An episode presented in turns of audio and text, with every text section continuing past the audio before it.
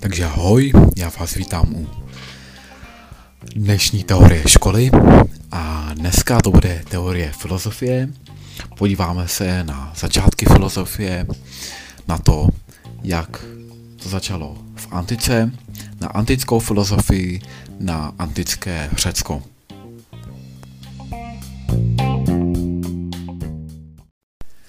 První lidé, kteří, kteří začali filozoficky uvažovat, se objevili v oblasti dnešního Balkánu, konkrétně Řecka. A první takovou školou se skupení lidí, kteří přemýšleli nad světem filozoficky, nazýváme jako mílec, míleckou školou. První z představitelů mílecké školy je Thales z Míletu. Ten se domníval, že pralátkou celého světa, to je látkou, z které je celý svět vytvořen, je voda. Tuto pralátku hledají um, filozofové starověkého světa často a často se snaží najít odpověď a často je ta odpověď velmi rozdílná. Proč zrovna Thales si vybral vodu? Jedná se o to, že se, že Mílet je v podstatě přístav na ostrově, to znamená, že Thales byl obklopen vodou, ať už to bylo moře, nebo to byly páry. On byl fascinován tím, jak se voda dokáže přeměňovat do všech tří skupenství. A zároveň i dnes víme, že voda je zvláštní látkou třeba i z toho pohledu, že známe takzvanou anomálii vody, což znamená, že teprve ve 4 stupních Celsia má voda nejvyšší hustotu. Um, a uh, Thales z Miletu právě Thales z Miletu nám dal uh, přesné datum vzniku filozofie. Je to 28. května 585 před naším letopočtem a v toto datum uh, Thales z Miletu předpověděl, že dojde k zatmění slunce a k tomu zatmění slunce opravdu došlo. Takže tímto datem 28.5.585 před naším letopočtem oficiálně začala filozofie. No, dalším filozofem, který se u přístavu Miléto spotloukal a tím pádem ho také řadíme do milécké školy, byl Anaximandros z, z, z Milétu, Anaximandros se domníval, že pralátkou, tedy látkou, z které je utvořen celý svět, není ani tak voda, jako spíše ape, apeiron. Apeiron je abstraktní veličina, je to abstrakce, z které vše vzniklo a v které vše zaniká. No a, a posledním z předních představitelů mílécké školy je Anaximenes, a Anaximénes z Milétu se domnívá, že pralátkou celého světa není ani voda, ani apeiron, je jim vzduch a celý svět je stvořen z toho, že vzduch se neustále buď zhřeďuje, anebo zhustčuje a tím vznikají další různé materiály. Další antickou školou, která nám tu vzniká, je škola Eleácká. Um, kde s prvními pochybnostmi přichází Xenofones z kolofonu. Ten má pochybnosti o tom, zdali bohové, kteří se chovají velmi lidsky, mají lidské vlastnosti, opravdu bohové jsou a začíná uvažovat více filozoficky. A na jeho o, polemiky a úvahy navazuje Parmenides, který je označován jako otec rozumu, otec racionalismu přestože tak nazýváme třeba i Voltéra. A je pro něj rozumové poznání důležitější než a, smyslové vnímání. To znamená, že pokud se například dotknu něčeho, dotknu se, do, dotknu se nějakého povrchu, například stolu a, a, a něco ucítím, ale racionálně to smysl nedává, pak bych tomu věřit neměl, protože rozum má větší význam než naše smysly, které nás můžou klamat. Už v té době se vědělo, že existují různé klamy, například optické klamy. No a tuto myšlenku, že rozum je důležitější než smysly, dovedl ještě o něco dál Zenon z Eleje, další a poslední představitel eleácké školy, který rozvíjí takzvané aporie. Jednou z aporií je například aporie o letícím šípu, kdy se Zenon domnívá, že pokud se něco může pohybovat, pak, mu, pak to musí mít okolo sebe volný prostor. A pokud já budu uvězněn v nějaké hmotě, tak se nemohu pohybovat. A kvůli tomu, pokud je okolo šípu vzduch, který je obklopuje a uzavírá, pak by se vlastně šíp neměl pohybovat.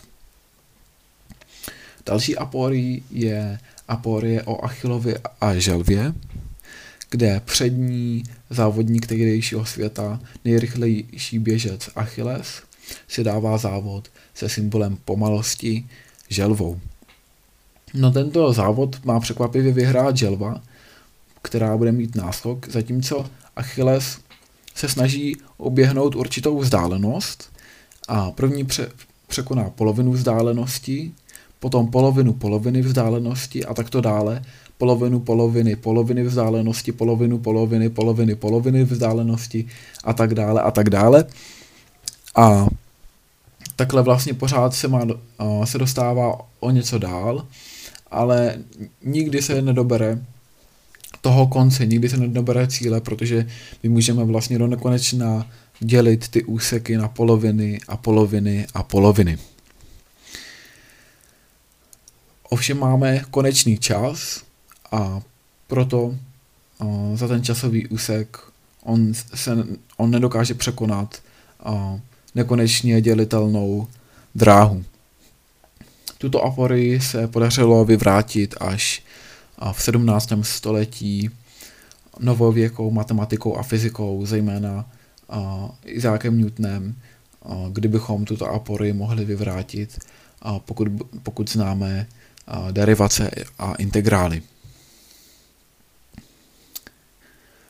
Další školou, kromě Milécké školy a Eleácké školy, nebyla škola, nýbrž jedinec, a to Herakleitos z Efezu, který byl sám sobě školou. Pokud byste se Herakleita zeptali, co je pralátkou, z čeho je náš svět stvořen, odpověděl by vám, že to je oheň. Ne tak jako samotné plameny, jako něco, co vydává teplo, ale spíše jako symbol boje. Domnívá se, že vše vzniká bojem protikladů. Zde můžeme vidět jasnou inspiraci ve východních kulturách, východních náboženstvích, například Ying a Yang. A také on vydává slavný výrok Všechno plyne, vše je neustále v pohybu. Panta Rei. Původně.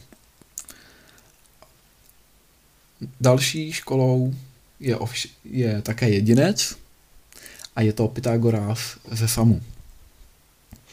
Pythagoras se domnívá, že principem světa není ani voda, ani vzduch, ani apeiron, ani oheň, ale principem je číslo. A totiž, že vše soucí má jakési meze a tyto meze můžeme určit a ohraničit čísly. Pracuje s celými kladnými čísly, domnívá se, že ideálním číslem je číslo 10.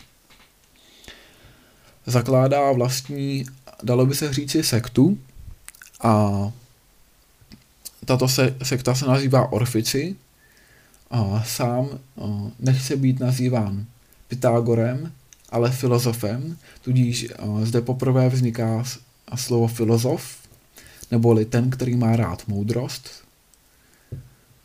Sofia je moudrost, dále se ještě dostaneme k sofistům, což byly učitelé moudrosti. A, právě Orfici začali dělit lidé, lidi na matematiky a akuzmatiky. Matematici to byla společenská elita, to byli lidé, kteří rozuměli světu, protože pokud se Pythagoras domníval, že základním kamenem světa je číslo, pak ten, kdo rozumí číslo, číslu rozumí i světu.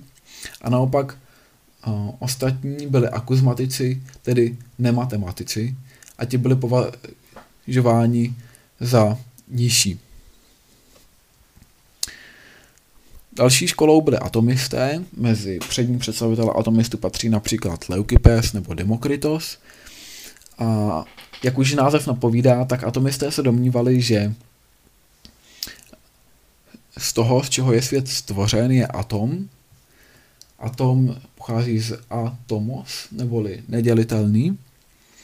A domníva, domnívali se, že um, tyto nedělitelné částice mají mezi sebou jakési pory, jakási místa, kde nic není. Také se domnívali, že všechno má svoji příčinu a svůj následek a z toho vyvodili, že Bůh pravděpodobně neexistuje, což samozřejmě spolu přímo nesouvisí a, a mohlo by uh, mohlo by dojít i k opačnému vyvození, ale uh, v této chvíli došlo k tomuto závěru. Další školou jsou sofisté. Um, jak už jste slyšeli, jedná se o učitele moudrosti. Um, sofisté byli zaměřeni opačným směrem, ne ani tak tím, dneska bychom řekli přírodovědným, ale spíše opět až dnešním pojmem humanitním směrem. Pomáhali právníkům, řečníkům, učili řečnictví, byli vynikající řečníci a vynalezli takzvaná sofismata. Sofismata jsou logicky nenapadnutelné klamy. A až později se opět podařilo vyvrátit výrokovou logikou, Můžeme si uvést nějaký příklad, například mm, kdo nic nestratil, a toho to je. Ten to má. Kdo nic nestratil, ten to má. Například. Nestratil si rohy, máš rohy. A tímto takto trápili ostatní obyvatelé starověkého Řecka, Um, hlavní dva představitelé sofistů byli Protagoras, který je významný antropologickým obratem, to znamená, že již uh, není ve středu bádání filozofů příroda, a svět okolo, ale lidé samotní. Uh, mám tady citát, že uh, člověk je měrou všech věcí soucích, že jsou, a zároveň dochází k relativizaci pravdy. To znamená, že už není jedna univerzální pravda, ale je mnoho subjektivních, odlišných pravd, které se vzájemně mohou i vylučovat. A druhým významným představitelem sofistů je Gorgias. Gor- Gorgias zavádí takzvanou metodickou skepsi, kde se domnívá, že vlastně ani nemá smysl se učit a poznávat nové věci. A to, a k tomu vypracoval tři kroky. Prvním je, že nic není. Druhým, že pokud by něco náhodou bylo, stejně to nelze poznat. A za třetí, pokud bychom to náhodou mohli poznat, nemohli bychom to sdělit, to znamená předat ostatním a proto nemá smysl se ani snažit. Tak já doufám, že jste si užili se mnou dnešní hodinku antické filozofie. Já už se moc těším na další díl a zatím Ahoj!